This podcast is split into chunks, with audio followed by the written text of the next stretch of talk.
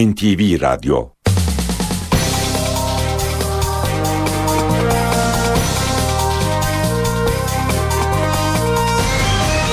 İşe Giderken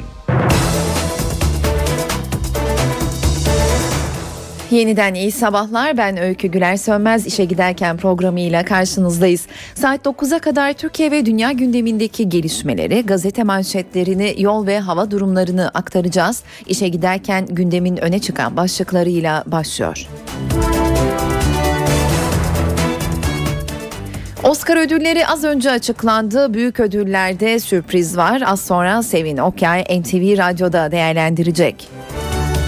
Ankara'nın gündeminde Öcalan'la BDP heyetinin görüşmelerinin ayrıntıları merakla bekleniyor. Başbakan İmralı'dan çıkan mesajları öğrenince salı günü açıklama yapacağını bildirdi. BDP eş başkanı Demirtaş AK Parti'ye değil Barış'a destek verdiklerini açıkladı. İmralı'dan çıkan mesajlar doğrultusunda PKK elindeki asker ve kamu görevlilerini serbest bırakır mı? PKK'nın kaçırdığı 16 asker ve kamu görevlisinin aileleri umutlandı. İşe Giderken gazetelerin gündemi.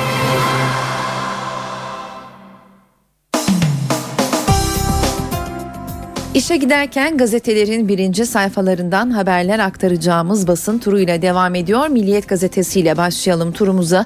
Milliyet'in manşetinde özel bir haber ABD otopark için nota verdiği başlığıyla yer buluyor.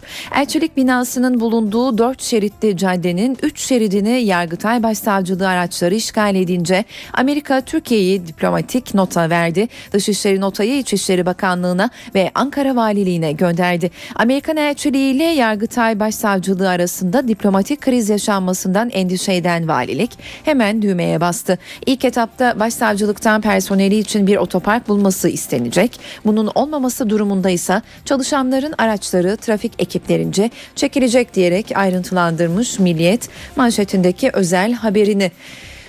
Açılmamış 3 mektup başlığını kullanıyor. Milliyet gazetesi İmralı ziyaretiyle ilgili özel haberinde Milliyet'in iddiasına göre ayrıntıları kısaca aktarmaya çalışalım. İmralı ziyaretinin perde arkası diyor. Öcalan İmralı'ya gelen BDP'lilere 3 mektuptan söz etti. PKK yönetimine yazılan mektupta hangi koşullarda sınır dışına çekileceği ve silah bırakılacağı aşamalarıyla anlatılıyor. Mektuplardan ikisi BDP yönetimine, üçüncüsü ise Türkiye kamuoyuna yönelik. Öcalan ne yazdığını aktarsa da mektupları BDP heyetine vermedi. İçeriklerinin değiştirilmesi ihtimaline karşı zarfları muhataplarına MIT iletecek demiş Milliyet gazetesi bu iddiasında.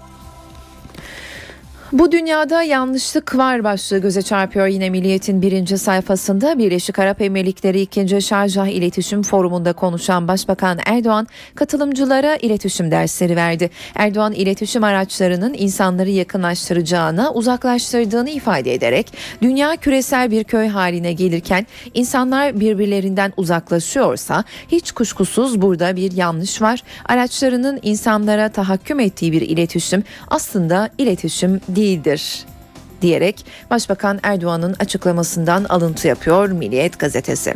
Hemen altında ise Türk rakısından Yunan adalarına çıkarma başlığı göze çarpıyor. Türkiye'ye yakın 9 ada seçen May içki 70 restoranı elden geçirecek. Bardak, çatal, kaşık, güneşlik temin edecek. Türk müzisyenlerle etkinlikler düzenleyecek deniyor. Bu haberin de ayrıntısında. Devam ediyoruz Hürriyet gazetesiyle manşetinde PKK'ya 10 gün başlığını tercih ediyor Hürriyet. BDP heyetinin İmralı ziyareti sırasında Öcalan masaya 3 mektup koydu. Bu mektupların PKK, BDP ve Avrupa'ya iletilmesini tarafların da 10 gün içinde yanıt vermesini istedi diyor ayrıntısında espriler yaptı hadisi konuştu alt başlığıyla devam ediyor haber. Abdullah Öcalan 3 saatlik görüşme sırasında neşeliydi ve sık sık espriler yaptı. Sarı Süreyya Önder'e kendine dikkat et sen bize lazımsın diye takıldı. Ulus terimiyle millet kavramı üzerinde uzun uzun durdu. Arabın aceme, acemin araba üstünlüğü yoktur hadisine örnek verip Türklerle Kürtlerin birlikte yaşaması gerektiğini söyledi demiş Hürriyet gazetesi manşetten gördüğü bu haberinde ayrıntısında. Hemen altında ise Angela Merkel'in fotoğrafı göze çarpıyor. Çantadaki altı dosya başlığını kullanıyor. Hürriyet bu haberin başlığı için. Başbakan Erdoğan'ın davetlisi olarak dün gelen Almanya Başbakanı Angela Merkel mesaisine Kahramanmaraş'ta Patriot nöbetindeki Alman askerlerini ziyaret ederek başladı.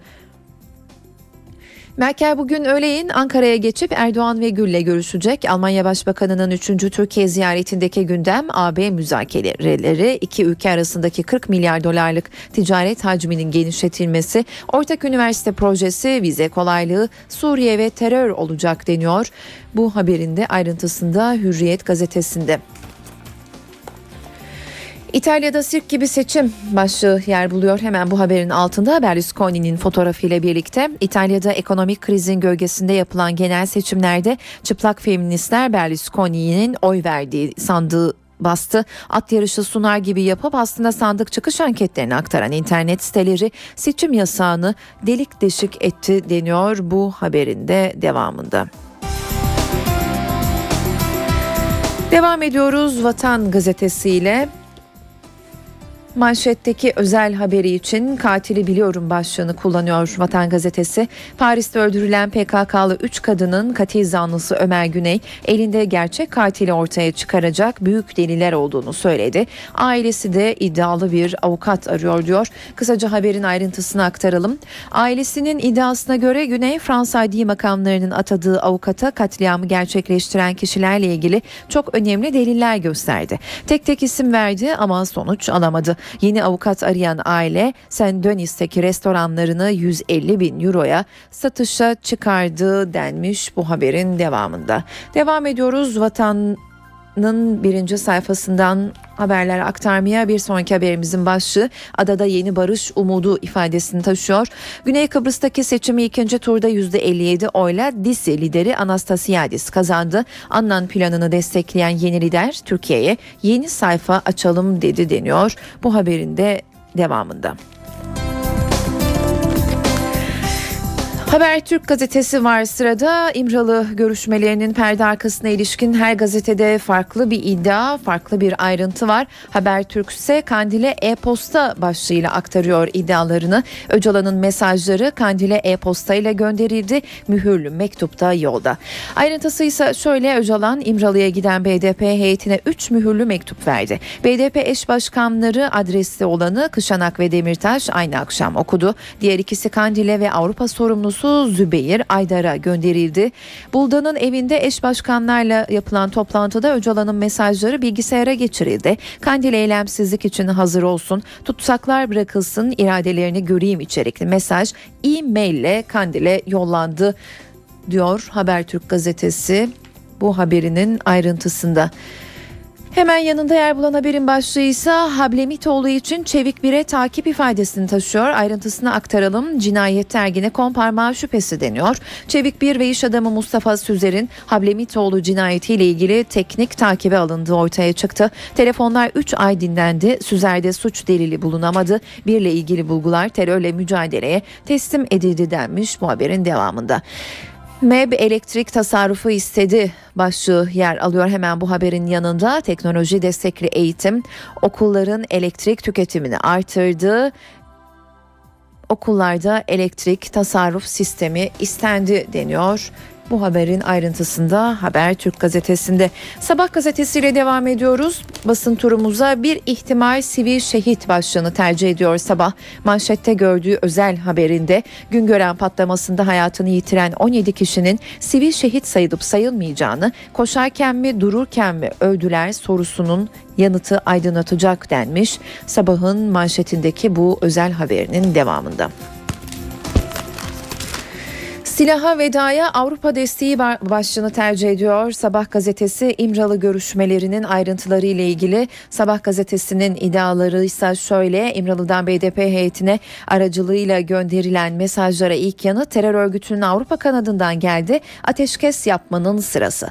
Terör örgütü PKK'nın Avrupa sorumlularından Zübeyir Aydar sürecin sağlıklı ilerlemesi için iki taraflı bir ateşkesin devreye girmesi gerektiğini söyledi. Aydar örgütün bugüne kadarki yaptığı ateşkesleri hatırlattıktan sonra şunları söyledi. Süreci olumsuz etkileyecek yaklaşımlardan uzak durulmalı. İki tarafta diline dikkat etmeli. İkili ilgili tarafların katkı sunabileceği bir barış konseyi oluşturulmalı deniyor. Sabah gazetesinin bu haberinin ayrıntısında.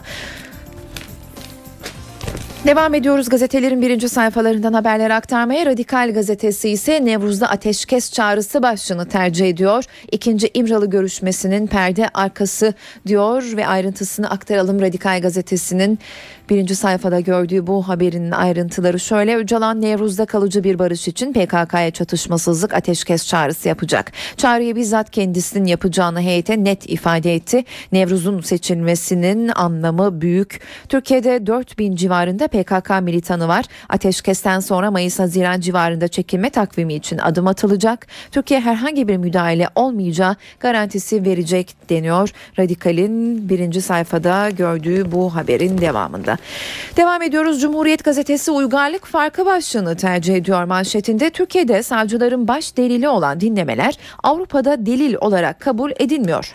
Bu haberin ayrıntısını kısaca aktaralım. Adalet Bakanlığı yasal dinlemeler konusunda Türkiye ile Avrupa'yı karşılaştırdı. Bakanlığın raporuna göre Türkiye'de delil elde etmek üzerine kurulu olan telefon dinlemelerine Avrupa'da büyük sınırlama getiriliyor.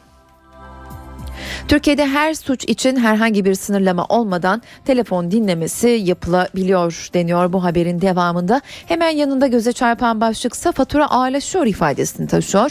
Avrupa İnsan Hakları Mahkemesi mahkumiyetleri çeyrek milyar euroya euroyu buldu. Türkiye'nin Avrupa İnsan Hakları Sözleşmesi'ni ihlal nedeniyle bugüne kadar ödediği tazminat astronomik düzeye ulaştı. Türkiye'ye karşı son 10 yılda sadece kendi yurttaşlarının insan haklarının ihlal edilmesi nedeniyle açılan davalarda Avrupa İnsan Hakları Mahkemesi'nin hükmettiği tazminat miktarı çeyrek milyar euroyu buldu denmiş bu haberin de devamında. Biz de bu haberimizde gazetelerin birinci sayfalarından haberler aktardığımız turumuzu noktalıyoruz. İşe giderken.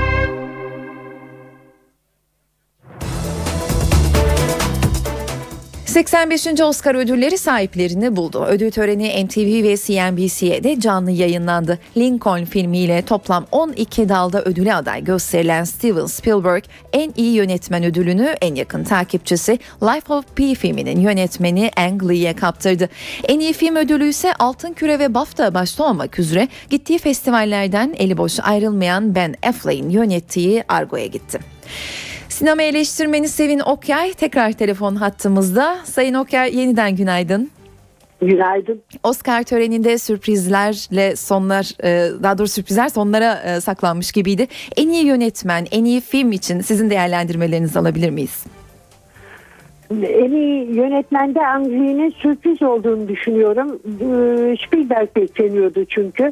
Ama hoş bir sürpriz bence. Çünkü Light of Pi çok iyi bir filmdi. Ee, filmde ise yani Argo sürpriz gibi görünebilir ama e, aslında e, Ben Affleck sürekli bir çalışma ve yükselme içindeydi bu konuda ama bence asıl sürpriz olan e, Lincoln'un bu kadar az ödül alması. Hı hı. Oyuncularda pe, e, pek sürpriz var denemez. Daniel Day-Lewis zaten herkes bekliyordu yani ötekiler hani sadece alkışlamaya gidiyor bile diyorlardı.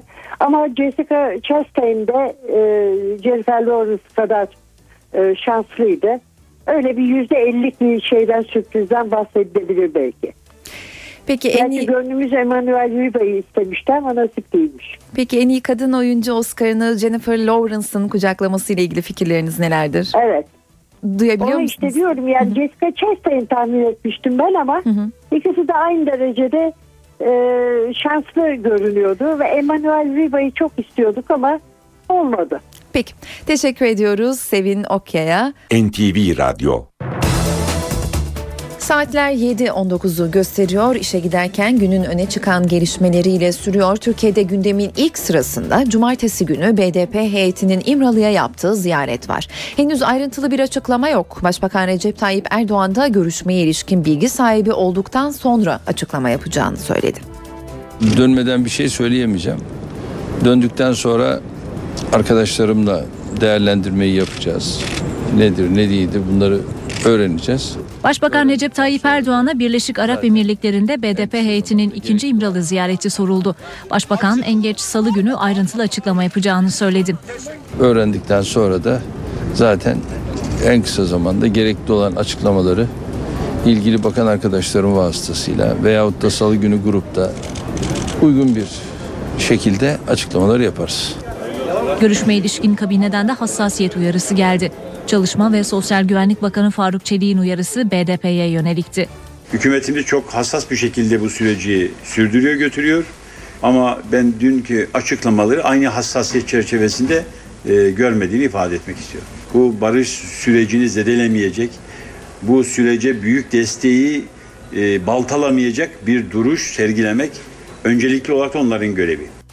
İmra, İmralı'ya yapılan ziyaretin ardından BDP tarafından da bir açıklama geldi. Eş Başkan Selahattin Demirtaş barış sürecine verdikleri desteğin AK Parti'ye destek anlamına gelmediğini söyledi. Partisinin Adıyaman İl Kongresi'nde konuşan Demirtaş muhalefete de çağrıda bulundu. Biz siyasetimizi kan davası üzerine kurmadık. Kin ve düşmanlık üzerine kurmadık. Hükümete de çağrımız şudur.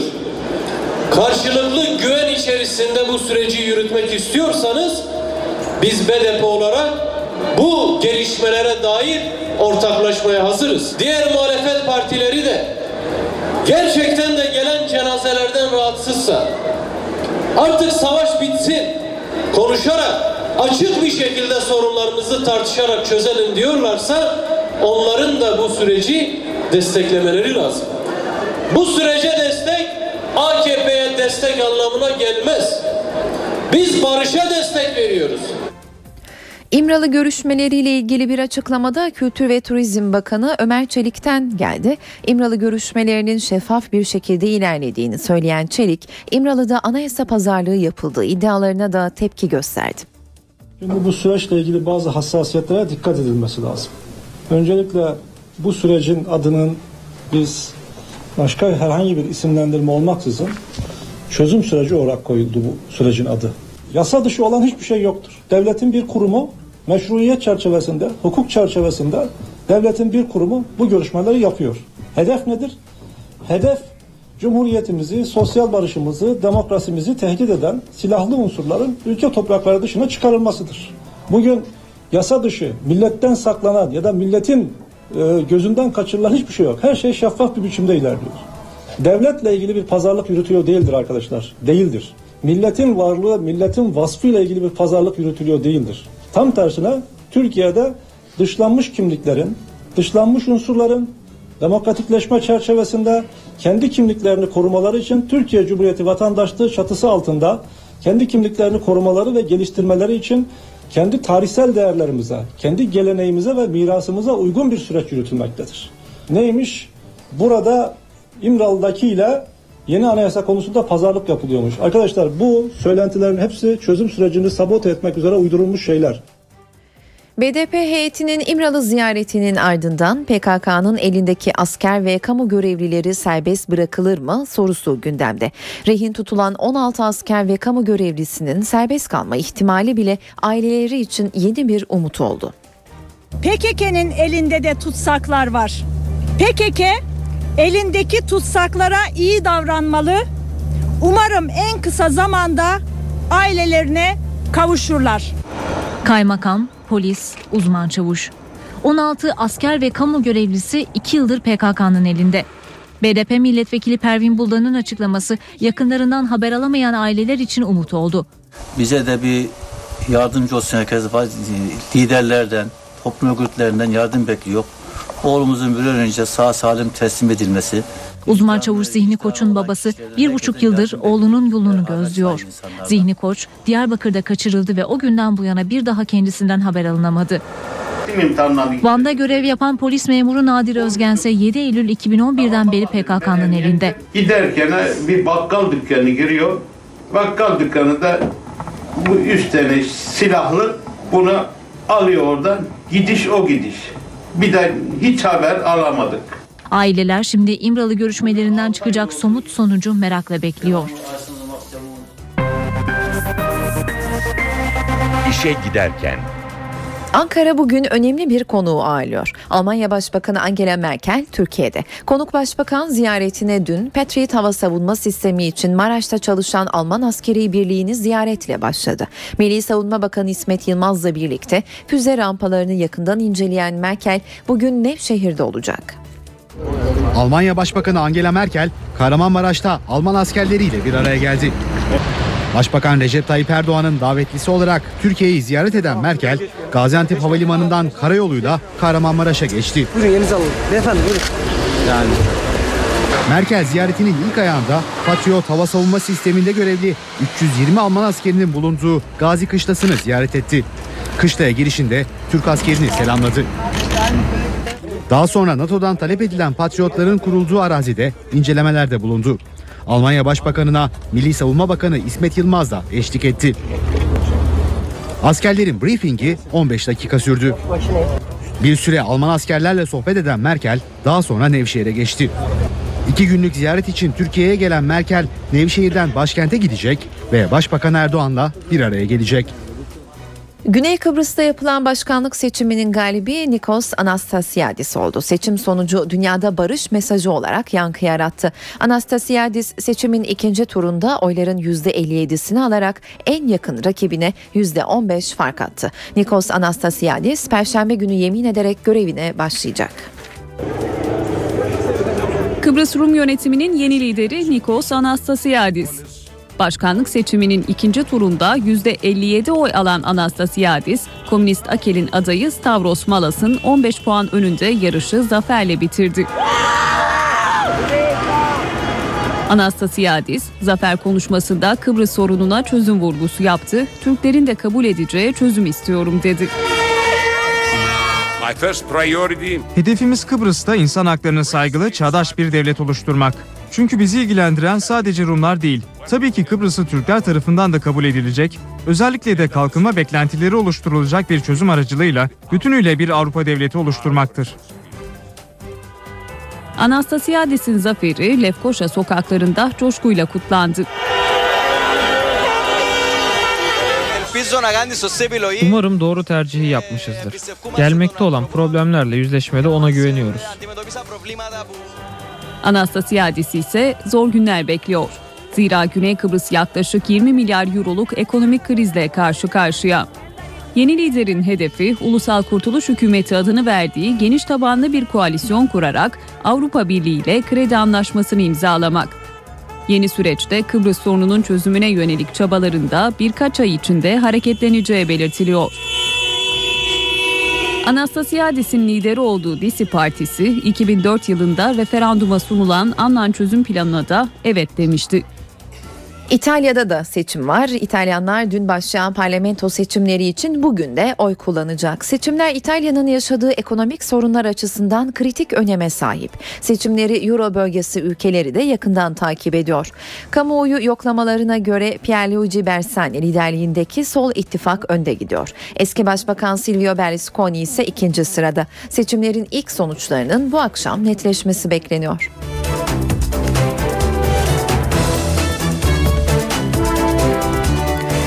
Ve dünyanın gündemindeki sıcak habere bakalım. Ajanslar flash notlar geçiyor. Amerika Birleşik Devletleri'nde Los Angeles'ta Oscar ödülleri açıklandı. Türkiye saatiyle gece yarısından sonra başladı tören ve NTV ve CNBC'de canlı yayınlanan törende az önce büyük ödüller de açıklandı.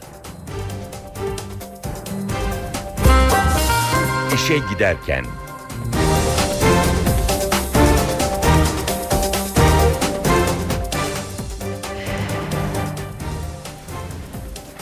İşe giderken günün öne çıkan başlıklarıyla devam ediyor. Başbakan Erdoğan İmralı'dan çıkan mesajları öğrenince salı günü açıklama yapacağını söyledi. BDP eş başkanı Selahattin Demirtaş AK Parti'ye değil barışa destek verdiklerini açıkladı.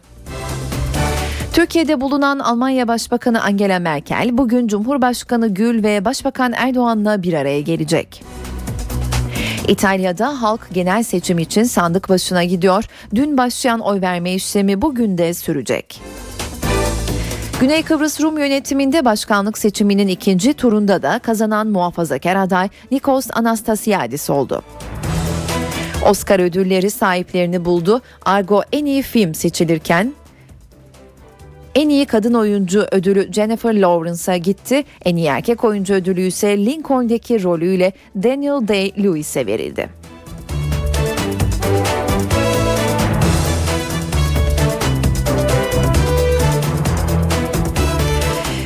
Az önce Oscar ödül töreniyle ilgili büyük ödüllerin de verildiğini açıklamıştık. Ödül töreniyle ilgili ayrıntıları ve değerlendirmeleri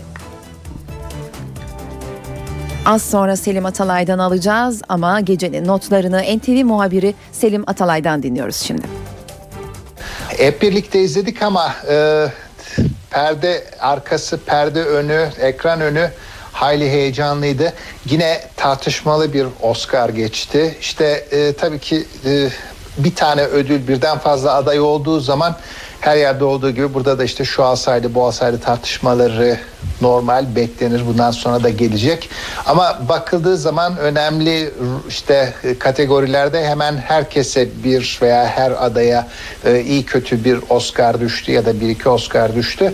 En çok dikkat çeken bu e, Bin Laden'in ölümü operasyonunu e, anlatan Karanlık 30 Thirty e, Sıfır Karanlık 30 adlı filmin fazla e, ödül alamaması veya önemli kategorilerde öne geçememesi oldu. O da e, şimdiye kadar ki söylentilerin doğru olduğunu gösteriyor. İşte e, Hollywood'un e, liberal jürisinin e, bu şekilde işte e, terörü ya da e, işkenceyi teşvik eden bir filme onay vermeyeceği vurgusu. Onun yerine işte argo eğer orada da siyasi mesaj aranıyorsa ki orada da var siyasi mesaj. E, onu da belki argo filminin e, senaristi söyledi. Şiddete yol açmadan, şiddete başvurmadan yaratıcı yollardan çözümler, sorunlara çözümler bulmak şeklinde bir belki Hollywood mesajı olabilir. Onun dışında e, işte en iyi film Argo oldu. E, İran'daki e, Amerikalı rehinelerin kaçırılması olayını anlatan. E, orada e, Ben Affleck 85 yıllık Oscar tarihinde bu şekilde yönetmendi. Yönetmen aday gösterilmedi ödüle fakat filmi ödül aldı. 85 yıllık Oscar tarihinde yalnızca 4 kez bu yaşanmıştı. Başka ilkler de oldu. Örneğin e, işte e, sahneye inen e, e, perdeyle e, eskilerin Kaptan Kirk'ün uzay yolunun Kaptan Kirk'ünün ki Hollywood'da sevilen bir karakterdir. Onun e, e, olaya girmesi ilginçti. Ve de final daha ilginçti. Finalde gerçekten ilk ilk ilk yaşandı.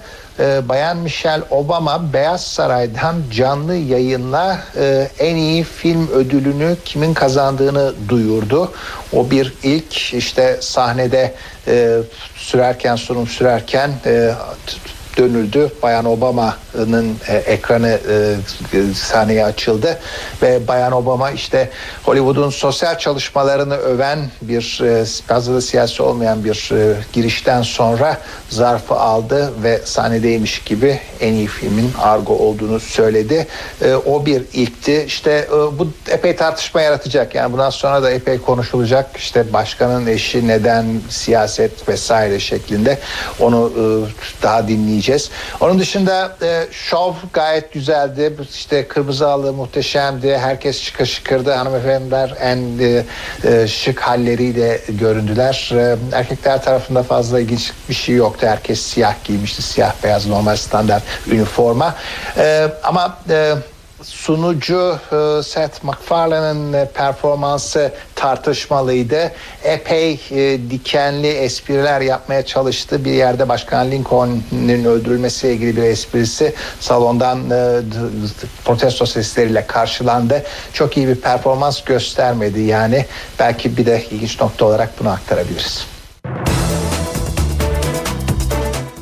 Saatler 7.39'u gösteriyor. İşe giderken yol durumuyla devam edecek. İstanbul'daki yol durumuyla başlayalım. İstanbul'u sürücüler için köprü girişlerinde ve köprü çıkışlarındaki yol durumunu aktararak başlayalım. Anadolu yakasında Koz Yatağı'ndan Ataşehir'e kadar yoğun bir trafik göze çarpıyor. Aynı şekilde Çamlıca gişeler Ataşehir arasında da trafiğin çok yoğun olduğunu ve Ataşehir'den itibaren köprü Fatih Sultan Mehmet Köprüsü girişine kadar Ümraniye, Çavuşbaşı, Elmalı, Kavacık ve köprü çıkışına kadar hatta trafiğin çok yoğun olduğunu aktaralım. Anadolu yakasındansa Avrupa yakasına geçişlerde Fatih Sultan Mehmet Köprüsü'nde bir yoğunluk göze çarpmıyor. Birinci köprüye bakalım. Anadolu yakasından Avrupa'ya geçişte Çamlıca'dan başlayan trafik Birinci köprü Boğaziçi Köprüsü çıkışına kadar yoğun bir şekilde devam ediyor. Yine aynı şekilde Avrupa yakasından Anadolu yakasına geçişte de köprü giriş ve çıkışlarında trafiğin çok yoğun olduğunu aktaralım. Avrupa yakasında trafiğin yoğun gözlemlendiği yerleri aktarmaya çalışalım kısaca. Şirin Evler İncirli kavşağı arasında yoğun bir trafik göze çarpıyor.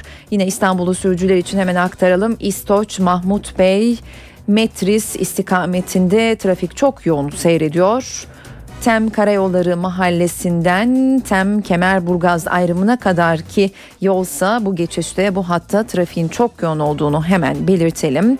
Onun dışında Avrupa yakasında Anıt Mezar'dan başlayan trafik Otakçılar ve Ok Meydanı'na doğru Darül Acize'ye kadar çok yoğun bir şekilde seyretmekte. İstanbul'da trafiğin son durumu bu şekildeydi. Şimdi İzmir ve Ankara'ya bakalım. Ankara ile devam ediyoruz. Ankara'da sürücüler için hemen aktaralım. Keçiören Kavşağı Anadolu Bulvarı arasındaki mesafe şu dakikalarda 7.41 itibariyle 15 dakikada alınabiliyor. Gölbaşı Kızılay arasındaki mesafe ise 25 dakikalık bir sürüşle kat edilebiliyor. ODTÜ Ankara e, kavşağı Ankara Bulvarı arasındaki mesafenin de 5 dakikada alındığını belirtelim. Celal Bayar Bulvarı İvedik kavşağı arası ise 9 dakikalık bir sürüşle kat edilebiliyor. Şimdi İzmir'e bakalım. İzmir'de 7.42 itibariyle Alsancak Karabağlar arası 13 dakikalık bir sürüşle tamamlanabiliyor. Bornova Alsancak arası ise yine aynı şekilde 13 dakikada kat edilebiliyor. Karabağlar Konak arasındaki mesafe ise şu sıralar 6 dakikada alınırken Alsancak Bornova arası 14 dakikalık bir sürüşle tamamlanabiliyor. İstanbul, İzmir ve Ankara'daki son yol durumlarını aktardık. İşe giderken gazetelerin spor sayfalarından haberler aktardığımız turumuzla devam edecek. İşe giderken gazetelerin gündemi. Gazetelerin spor sayfalarından haberler aktaracağımız basın turumuza Milliyet Gazetesi ile başlıyoruz. Bugün aile saadeti başlıklı haber. İlk haberimiz Sarı Lacivertli ekip daha ilk dakikada Uçe'nin penaltı golüyle sarsıldı. İlk devre rakip defansı açmakta çok zorlanan ev sahibi ikinci yarıda taze baba Sov'un oyuna girmesiyle canlandı. Ve bu beraberliği sağladı. Kaptan Emre'nin penaltısı Kadıköy'ü ayağa kaldırdı. Nefes kesen gecenin kapanışını uzatmada Sov yaptı. 3-1 Fenerbahçe Kasımpaşa karşılaşmasının skorunu hatırlatarak noktalıyor bu haberi Milliyet gazetesi. Hemen altında ise Aykut Kocaman'ın fotoğrafı taraftar sağ olsun başlığıyla yer bulmuş. Fenerbahçe Teknik Direktörü Aykut Kocaman kazanmak zorundaydık kazandık futbolcularım istiyor taraftar da istediğini söyledi. Birinci dakikada geriye düşmüşken onların desteği olmasaydı maçı çeviremezdik dedi deniyor bu haberin ayrıntısında. İkinci Kadıköy turu, turu başlığı göze çarpıyor bir başka sayfa sayfasında Milliyet'in Galatasaraylı futbolcular Fenerbahçe kaptanı Emre'nin rakibimiz rövanş maçı için Kadıköy'e gelecek. Bu da bizim için avantajdır sözlerine karşılık oraya tur atmaya gideceğiz. Geçen sezon olduğu gibi ifadelerini kullandılar deniyor bu haberin devamında.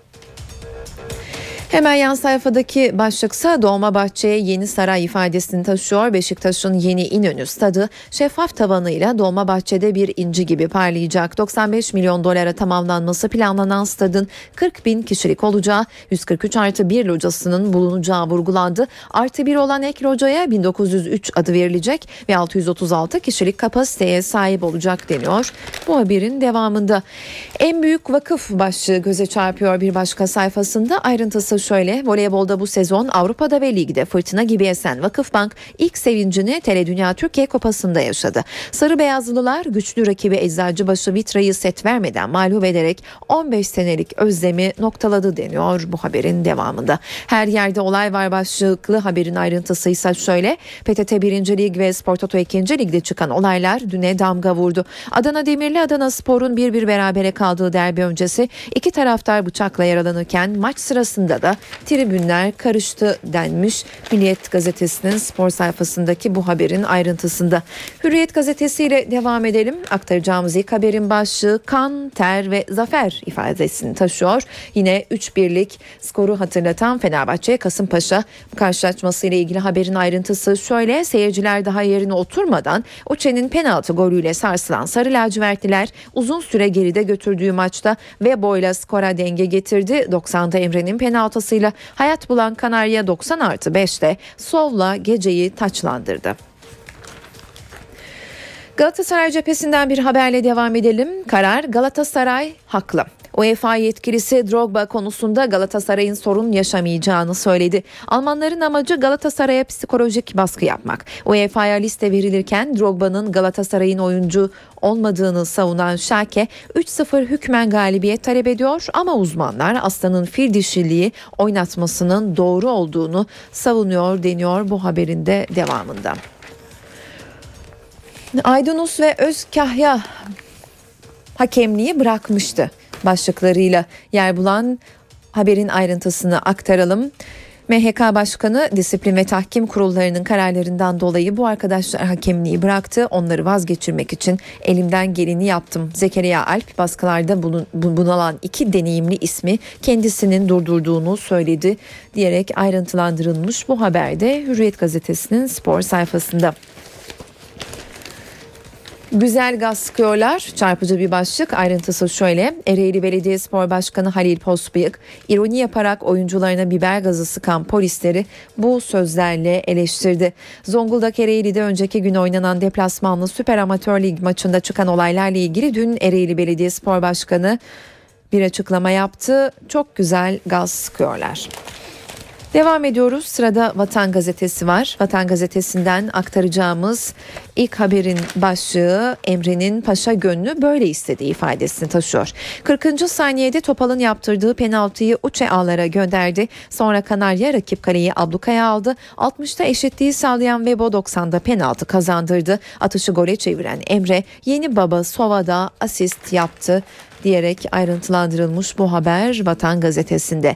Merak etmeyin tıka basa dolar Fikret Orman'ın açıklamasından alıntı yapılarak kullanılmış bu başlık Beşiktaş Başkanı Orman yeni stadın boş kalacağı yönündeki yorumlara yanıt verdi. Biz Beşiktaş'ız bizi biz yapan coşkumuz sosyete takımı değiliz bir tarafımızı eskiden olduğu gibi sadece coşkulu taraftarlara bıraktık. Oraya loca yapmadık Beşiktaş taraftarı cefakar ve vefakardır diyerek Fikret Orman'ın açıklamasından alıntı yapılmış bu haberde. Galatasaray cephesinden bir haber para verselerdi başlığıyla yer buluyor. Arenanın zemininden sorumlu olan Phil Sharpless sorunun kaynağını açıkladı. Para verselerdi zemin düzelirdi. Vakıfbank taçlandı diyor hemen yan sayfada yer bulan haberin başlığı. Tele Dünya Türkiye Kupası bu sezon 32. resmi maçını da kazanan Sarı Beyazlıların oldu. Eczacıbaşı Vitre'yi 3-0 deviren Vakıfbank en son 97-98'de kaldırdığı kupaya namalup şampiyon olarak uzandı. 15 yıllık özlem dün sona ererken Brakoçevic 17 sayıyla yıldızlaştı. Devam edelim. Habertürk Spor var sırada. Birinci sayfada gördüğü haberin başlığı Sara Lacivert.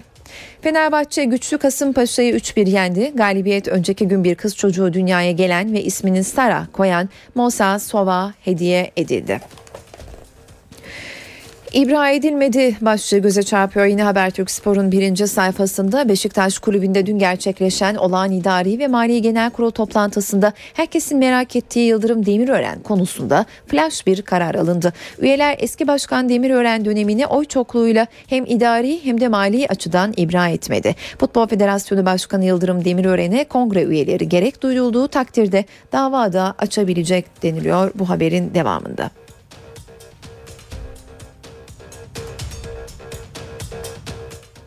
Habertürk Spor'un iç sayfalarına bakalım. Fantastik bir takım başlığı göze çarpıyor. Victoria Pizen mucizesinin mimarı teknik direktör Virba Fenerbahçe'yi anlattı. Fenerbahçe müthiş tarihi ve taraftarıyla fantastik bir takım. Kadrolarında çok önemli yıldızlar var. Kayt, Meireles, Sol her kulübün sahip olmak isteyeceği yıldızlar ama sahada takım performansı konuşur. Denmiş bu haberin devamında. Kayseri fırtınası başlıklı haberi aktaralım. Kayseri'yi kimse tutamıyor. Gençler Birliği'ni 1-0 geçen Sarı Kırmızılı ekip Süper Lig'de son 5 maçtaki 4. galibiyetini aldı. Zirve yarışına doğru göz kırptı. Ve hemen yan sayfada elde var 1. Sezona 3 kupa hedefiyle giren Vakıfbank Türkiye Kupası'nı havaya kaldırdı, haykırdı. Elde var 1. Filenin ek klasikosunda sonuç hiç de yine değişmedi. Eczacıbaşı'nı bu sezon dördüncü kez deviren Kırmızı Siyahlılar Tele Dünya Türkiye Kupası'nda 15 yıllık özleme son vermeyi bildi diyerek ayrıntılandırılmış bu haberde ve aktaracağımız son haber Habertürk Spor'un arka sayfasında şifre Akisar başlığıyla yer buluyor. Galatasaray'da Fatih Terim'in galibiyet planı hazır. Sarı Kırmızılı takımın patronu bugünkü Ordu Spor mücadelesi için 11'de forma vereceği isimlere Didier Drogba ve Wesley Schneider ayarı yapacak. Terim'in Akisar maçının ikinci yarısında galibiyete ulaştığı 4-3-1-2 sistemiyle takımını sahaya sürmesi bekleniyor.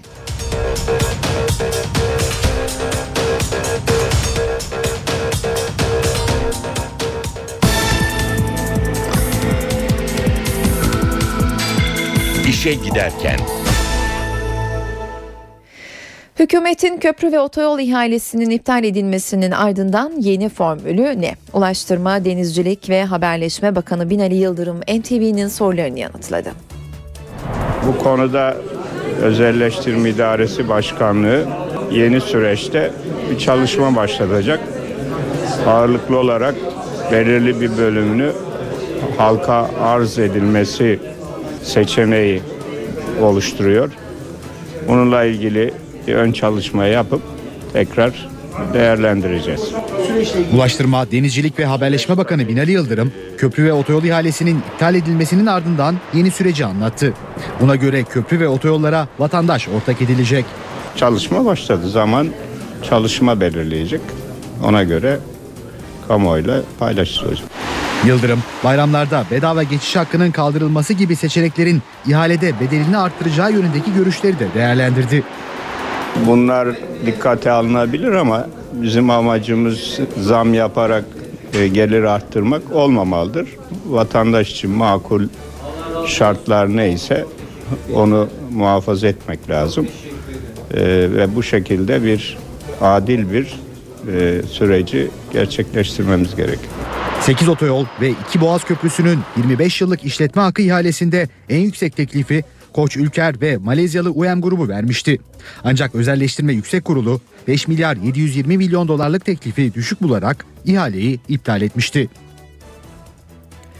Galatasaray Üniversitesi Rektörlük binasında bir ay önce çıkan yangının nedeni belirlendi. İstanbul İtfaiye Daire Başkanlığı'nın raporu sabotaj mı ihmal mi sorusuna yanıt veriyor. Galatasaray Üniversitesi'nin tarihi binasındaki yangınla ilgili rapor açıklandı. 142 yıllık binayı harabeye çeviren yangının nedeni asansör kabloları. Raporda 22 Ocak'taki yangın ayrıntılarıyla anlatılıyor. Rapora göre öğretim üyesi bir Caymaz üniversiteden çıkarken güvenlik görevlisine binadan yanık kokusu geldiğini söyledi. Güvenlik görevlisi bunun üzerine öğretim üyelerinin odalarının bulunduğu kata çıktı ve bir odada kağıtların tutuştuğunu fark etti. Alevlere yangın söndürme cihazıyla müdahale etti. İtfaiyeye de haber verildi. 6 dakika sonra ekipler binadaydı. İki sayfalık raporun sonuç bölümüne göre yangın asansör dairesinde başladı. Elektrik kabloları ısındı ve alevler yayıldı. Bir öğretim üyesinin odasında aynı anda dört farklı yerden alevler yükseldi ve sonuçta tarihi bina kül oldu. NTV Radyo Saatler 8'i gösteriyor. İşe giderken günün öne çıkan başlıklarıyla sürüyor.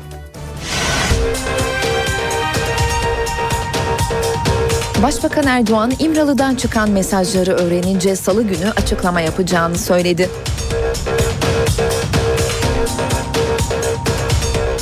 BDP eş başkanı Selahattin Demirtaş AK Parti'ye değil Barış'a destek verdiklerini açıkladı. Türkiye'de bulunan Almanya Başbakanı Angela Merkel bugün Cumhurbaşkanı Gül ve Başbakan Erdoğan'la bir araya gelecek.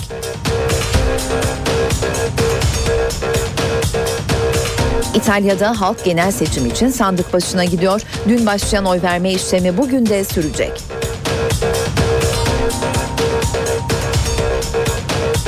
Güney Kıbrıs Rum yönetiminde başkanlık seçiminin ikinci turunda da kazanan muhafazakar aday Nikos Anastasiadis oldu.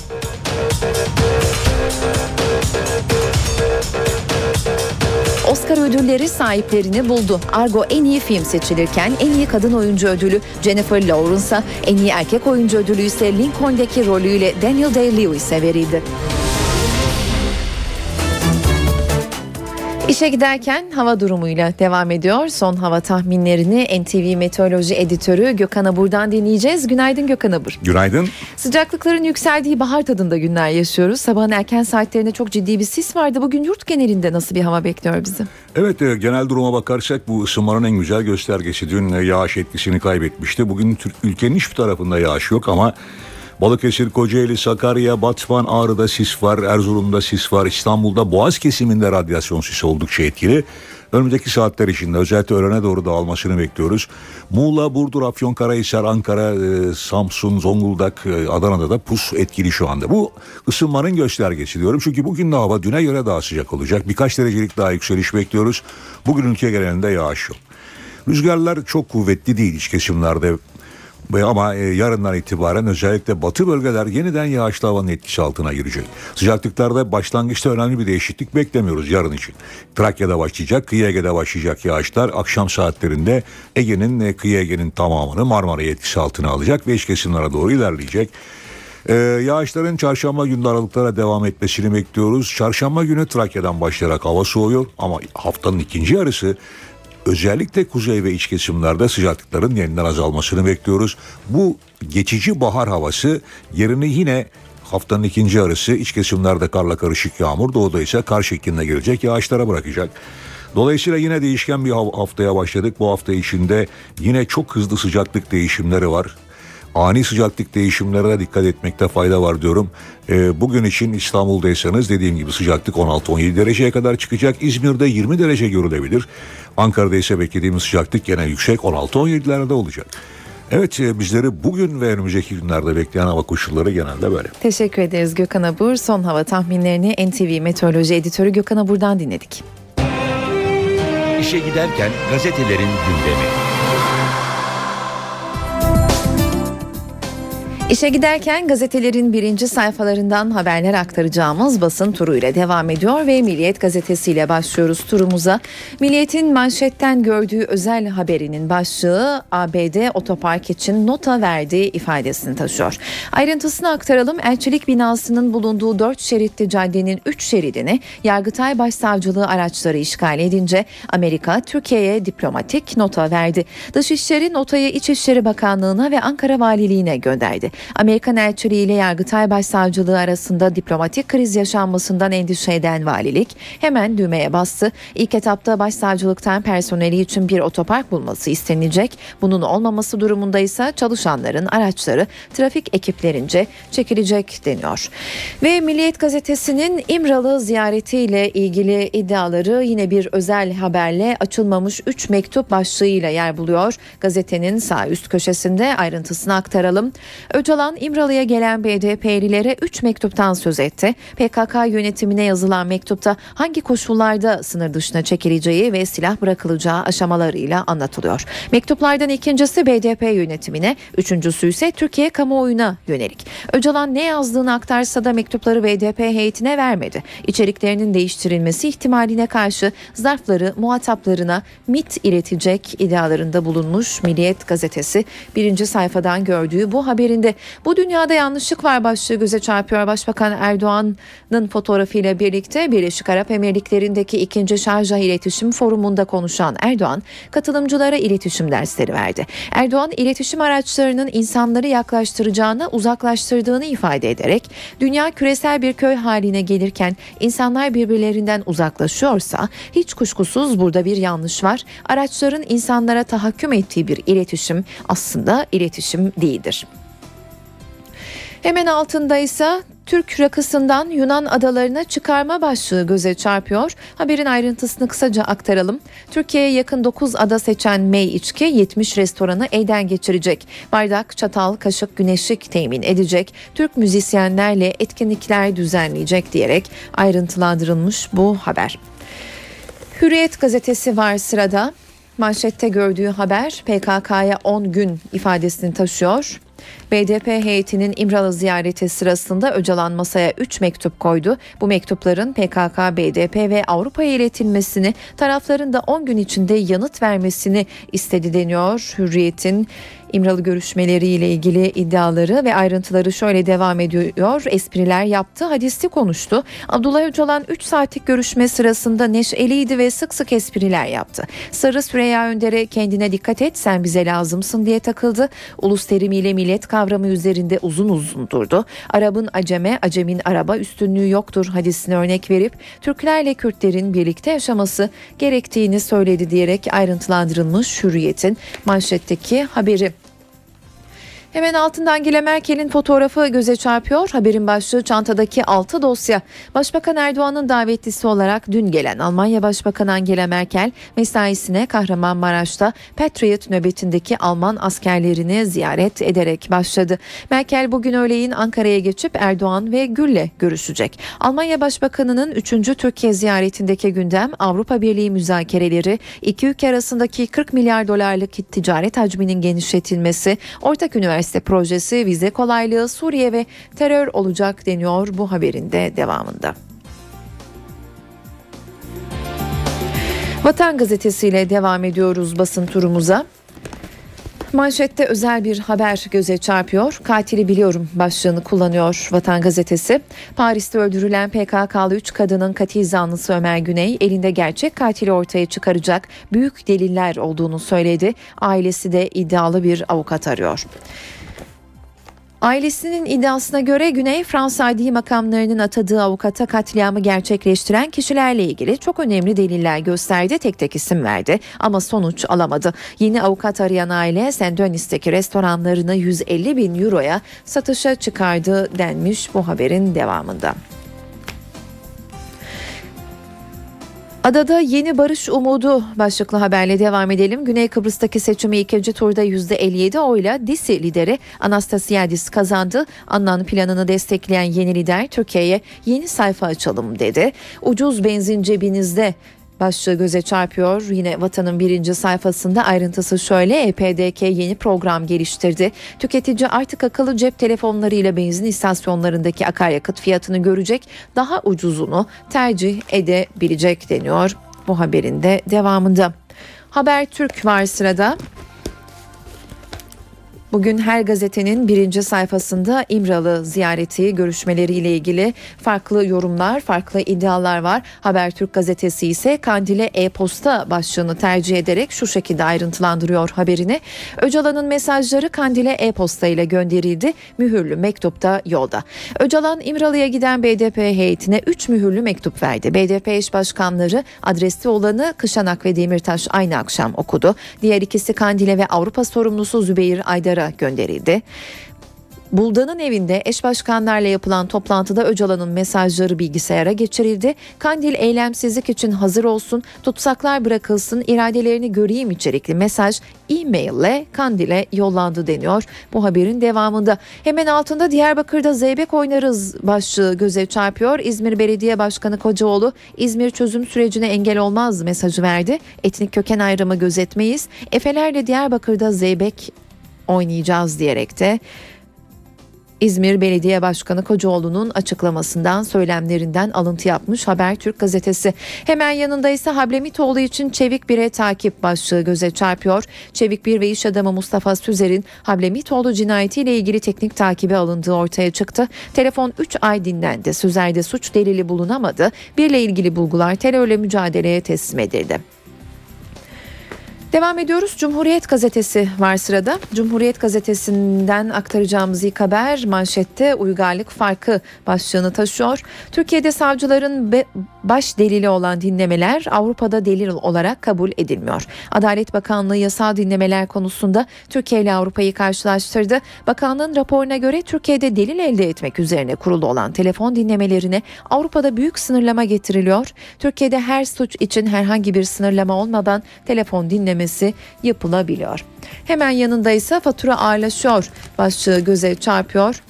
Türkiye'nin Avrupa İnsan Hakları Sözleşmesi'ni ihlal nedeniyle bugüne kadar ödediği tazminat astronomik düzeye ulaştı. Türkiye'ye karşı son 10 yılda sadece kendi yurttaşlarının insan haklarının ihlal edilmesi nedeniyle açılan davalarda Avrupa İnsan Hakları Mahkemesi'nin hükmettiği tazminat miktarı çeyrek milyar euroyu buldu.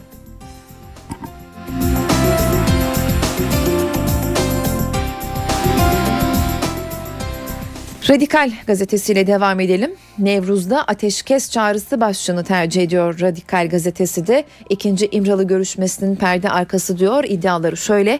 Öcalan Nevruz'da kalıcı bir barış için PKK'ya çatışmazlık ateşkes çağrısı yapacak. Çağrıyı bizzat kendisinin yapacağını heyete net ifade etti. Nevruz'un seçilmesinin anlamı büyük. Türkiye'de 4000 civarında PKK militanı var. Ateşkesten sonra Mayıs-Haziran civarında çekilme takvimi için adım atılacak. Türkiye herhangi bir müdahale olmayacağı garantisi verecek diyerek yorumlamış Radikal Gazetesi cumartesi günkü görüşmelerin perde arkasına. Sabah gazetesine bakalım. Manşetinde özel bir haber tercih ediyor sabah. Bir ihtimal sivil şehit başlığını kullanarak gün gören patlamasında hayatını yitiren 17 kişinin sivil şehit sayılıp sayılmayacağını koşarken mi dururken mi öldüler sorusunun yanıtı aydınlatacak deniyor. Maltepe Merhaba Özgürlük e, başlıklı haberse Maltepe cezaevinde dosyaları kaybolduğu için fazladan yatan 90 mahkum serbest bırakıldı. Alt başlığıyla yer buluyor Sabah gazetesinin birinci sayfasında. Son olarak Yeni Şafak'a bakalım. Yeni Şafak'ın manşetinde Nevruz'da ateşkes başlığı tercih ediliyor. İşte dört aşamalı çözüm planı deniyor. Yeni Şafak'ın İmralı görüşmeleriyle ilgili yorumları ve iddialarını kısaca aktaralım. Bu haberle birlikte İmralı'ya giden ikinci BDP heyeti Öcalan'ın 21 sayfadan oluşan dört aşamalı çözüm önerisini önceki gece Kandil'e ulaştırdı. Buna göre PKK kaçırdığı kamu görevlilerini bu hafta içinde serbest bırakacak. 21 Mart'taki Nevruz'a kadar eller tetikten çekilecek. Mart-Haziran ayları arasında silahlı unsurlar dışarı çıkacak. Silah bırakma müzakereleri başlatılacak ve bu haberle basın turumuzu noktalıyoruz. Kısa bir araya gidiyoruz. Aranın ardından yeniden karşınızda olacağız. Ankara gündemi.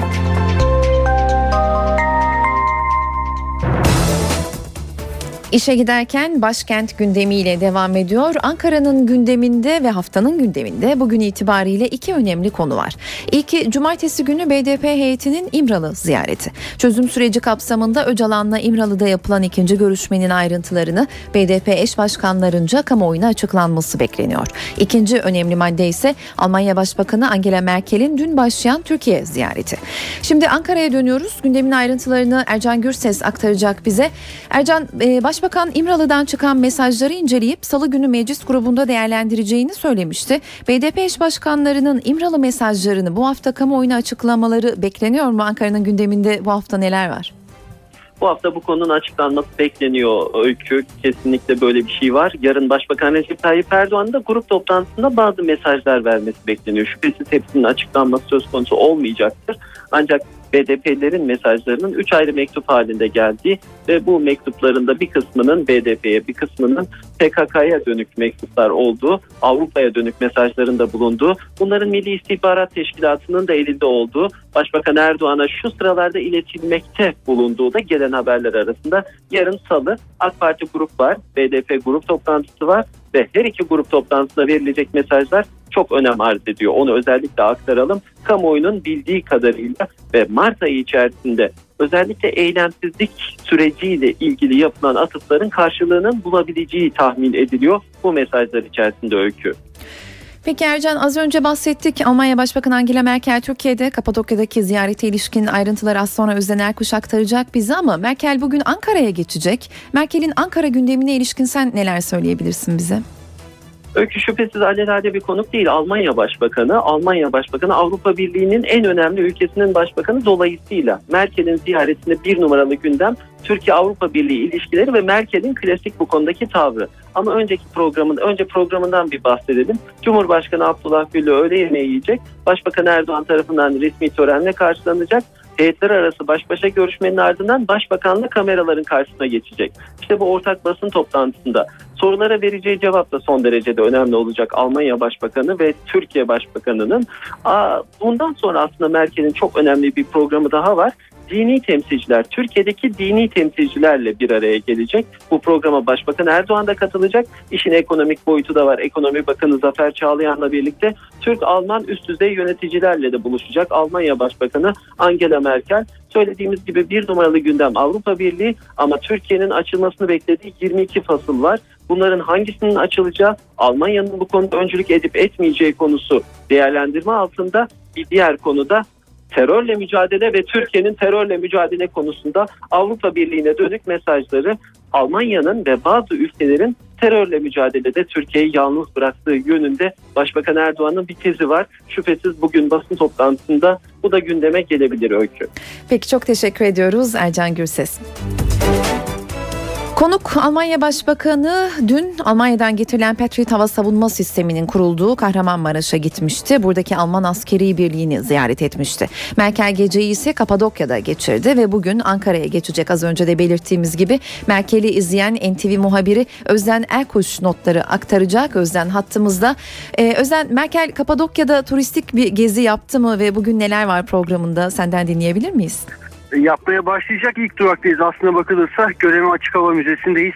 Ee, bu müze kaya içine oyulmuş manastırlardan, kiliselerden, şapellerden, yemekhanelerden, yaşam alanlarından oluşuyor ve Hristiyanlığın erken dönemine ait önemli tarihi eserler barındırıyor. İşte bu müzedeki gezisine birkaç dakika önce başladı. Almanya Başbakanı Angela Merkel iki kilise var bu bölgede. Karanlık ve Tokalı kiliseleri aslında pek çok kilise var ama en önemlileri bunlar işte onlardan ilki olan Karanlık Kiliseyi şu anda ziyaret ediyor. Kilisenin içerisinde incelemelerde bulunuyor. Özellikle boyaları ve freskleriyle ön plana çıkan bir kilise bu kilise bu incelemesinin ardından da Tokalı Kilisesi'ni ziyaret edecek göremedi ama tek durağı, durağı göremi olmayacak. Daha sonra Çavuşin Kilisesi'ni de ziyaret edecek Angela Merkel ki Çavuşin bölgesi de e, Kapadokya'da bilinen en eski e, Hristiyan yerleşimlerinden biri, en eski kiliselerden biri olan bir kilise Çavuşin Kilisesi işte Hristiyanlığın yayıldığı ilk bir bölge olarak kabul ediliyor Kapadokya bölgesinde ardından da Zelve bölgesine Zelve Vadisi'ne geçecek ve orada da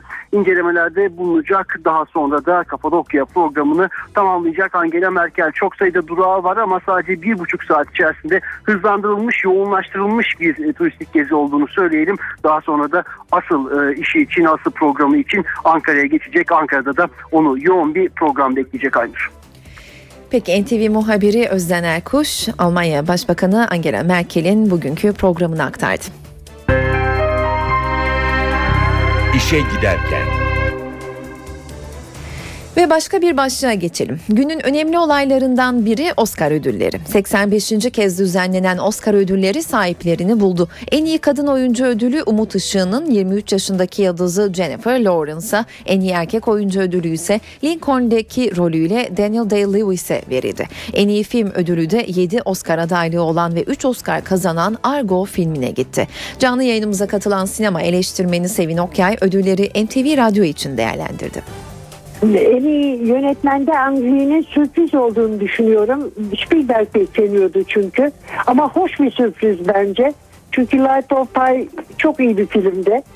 Filmde ise yani argo sürpriz gibi görünebilir ama e, aslında e, Ben Affleck sürekli bir çalışma ve yükselme içindeydi bu konuda ama bence asıl sürpriz olan Lincoln'un bu kadar az ödül alması.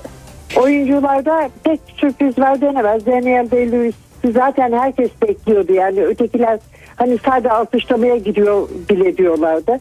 Ama Jessica Chastain de e, Jennifer Lawrence kadar şanslıydı. Öyle bir yüzde ellik bir şeyden sürprizden bahsedilebilir belki.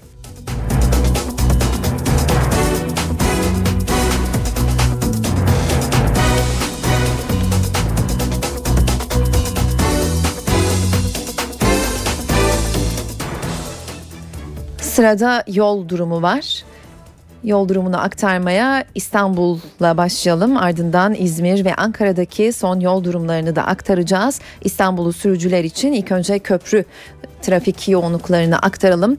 Fatih Sultan Mehmet Köprüsü'nde Anadolu yakasından Avrupa'ya geçişte trafik Koz Yatağı'ndan başlıyor. Koz Yatağı'ndan Ataşehir'e kadar ve yine aynı şekilde Çamlıca gişelerden Ataşehir'e kadar yoğun bir trafik gözleniyor ve Ataşehir'den sonra köprü girişine kadar Çakmak Köprüsü, Ümraniye Kavşağı, Çavuşbaşı, Elmalı ve Kavacı'ya kadar trafik çok yoğun seyrediyor ve köprü çıkışından sonra Fatih Sultan Mehmet Köprüsü'nde trafiğin rahatladığını belirtelim. Anadolu yakasından Avrupa yakasına geçişte ise Fatih Sultan Mehmet Köprüsü'nde bir sıkışıklık göze çarpmıyor. Birinci köprüde Boğaziçi Köprüsü'nde ise Anadolu yakasından Avrupa yakasına geçişte Çamlıca'dan itibaren başlayan trafik köprü girişine kadar ve köprü çıkışında da Mecidiyeköy sapağına kadar yoğun bir şekilde devam etmekte. Yine İstanbul'u sürücüler için hemen belirtelim Avrupa yakasından Anadolu yakasına geçişte de trafik yine Mecidiyeköy'den itibaren köprü çıkışına kadar yoğun olarak gözlemleniyor. Avrupa yakasında trafiğin yoğun olduğu yerleri aktaracağız ama önce bir trafik kazası var onu hemen aktaralım. Aksaray Yeni Kapı yönü trafik kazası e, hasarlı bir kaza bir şerit trafiğe kapalı kazaya müdahale ediliyor. Dolayısıyla Aksaray Yeni Kapı güzergahındaki trafiğin yoğun olduğu yoğunlaşmaya başladığı notunu hemen aktaralım. Yine Avrupa yakasında trafiğin yoğun seyrettiği yerler Akşemsettin Viyadüğü'nden Kemerburgaz ayrımına ve Emniyet Mahallesi'ne kadar Maslak Kavşağı'na kadar burada trafik çok yoğun olarak seyretmekte. Aksi istikamette ise Metris'ten Tekstil Kent'e doğru Metris Tekstil Kent istikametinde trafiğin çok yoğun olduğu görülmekte. Şirin Evler Kavşağı'ndan Merter Kavşağı'na kadarsa her iki yönde de trafik yine çok yoğun. Avrupa yakasında Yine aynı şekilde anıt mezardan başlayan trafik Otakçılara doğru ve oradan Haliç'e Ok Meydanı'na doğru son olarak da Darülacize'den sonra rahatladığını söylemek gerekiyor. Birinci köprü girişine kadar fakat bu istikametlerde şu an itibariyle 8.28 itibariyle trafik çok yoğun. İstanbul'daki trafik durumu şu an için böyleydi. Şimdi Ankara'ya geçelim. Ankaralı sürücüler için hemen belirtelim. Anadolu Bulvarı Ankara e, Aşti e, istikameti arası şu an çok rahat 5 dakikada alınabiliyor bu mesafe. Keçiören Kavşağı ile Anadolu Bulvarı arası ise 28 dakikada bir geçiş sağlanabiliyor bu iki nokta arasında. Gölbaşı Kızılay arasındaki geçiş ise 33 dakikada tamamlanabilirken İvedik Kavşağı Celal Bayar Bulvarı arası da 12 dakikalık bir sürüşle kat edilebiliyor bu mesafe. İzmir'e bakalım son olarak İzmir'de Bornova Alsancak arasındaki mesafe 8.29 itibariyle 18 dakikada alınabiliyor. İzmir Adnan Menderes ve Alsancak e, bulvarı arasındaki mesafedeki geçiş ise 25 dakikada sağlanabiliyor. Alsancak Bornova arası yine İzmirli sürücüler tarafından 13 dakikada kat edilebilecekken Karşıyaka Alsancak arasındaki geçiş ise 24 dakikada sağlanıyor.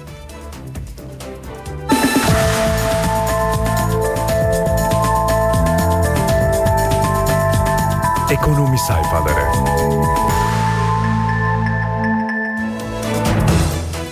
Para ve sermaye piyasalarının cuma günü haftayı nasıl kapattığını hatırlatalım. İMKB 100 endeksi 76 bin puan seviyesinde kapatmıştı. Bankalar arası piyasada dolar 1.76 euro 2.36 liradan satılıyordu. Uluslararası piyasalarda altının onsu 1573 dolardan satılırken kapalı çarşıda Cumhuriyet altını 614, çeyrek altın 152 liradan alıcı buldu ve Brent tipi ham petrolün varil fiyatı ise 117 dolardan işlem gördü. İşe giderken günün öne çıkan başlıklarıyla devam ediyor.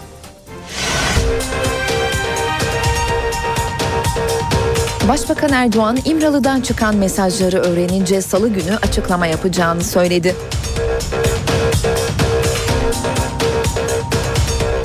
BDP eş başkanı Selahattin Demirtaş AK Parti'ye değil Barış'a destek verdiklerini açıkladı. Türkiye'de bulunan Almanya Başbakanı Angela Merkel bugün Cumhurbaşkanı Gül ve Başbakan Erdoğan'la bir araya gelecek.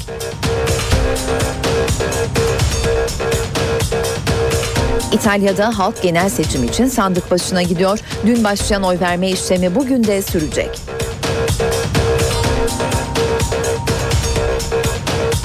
Güney Kıbrıs Rum yönetiminde başkanlık seçiminin ikinci turunda da kazanan muhafazakar aday Nikos Anastasiadis oldu.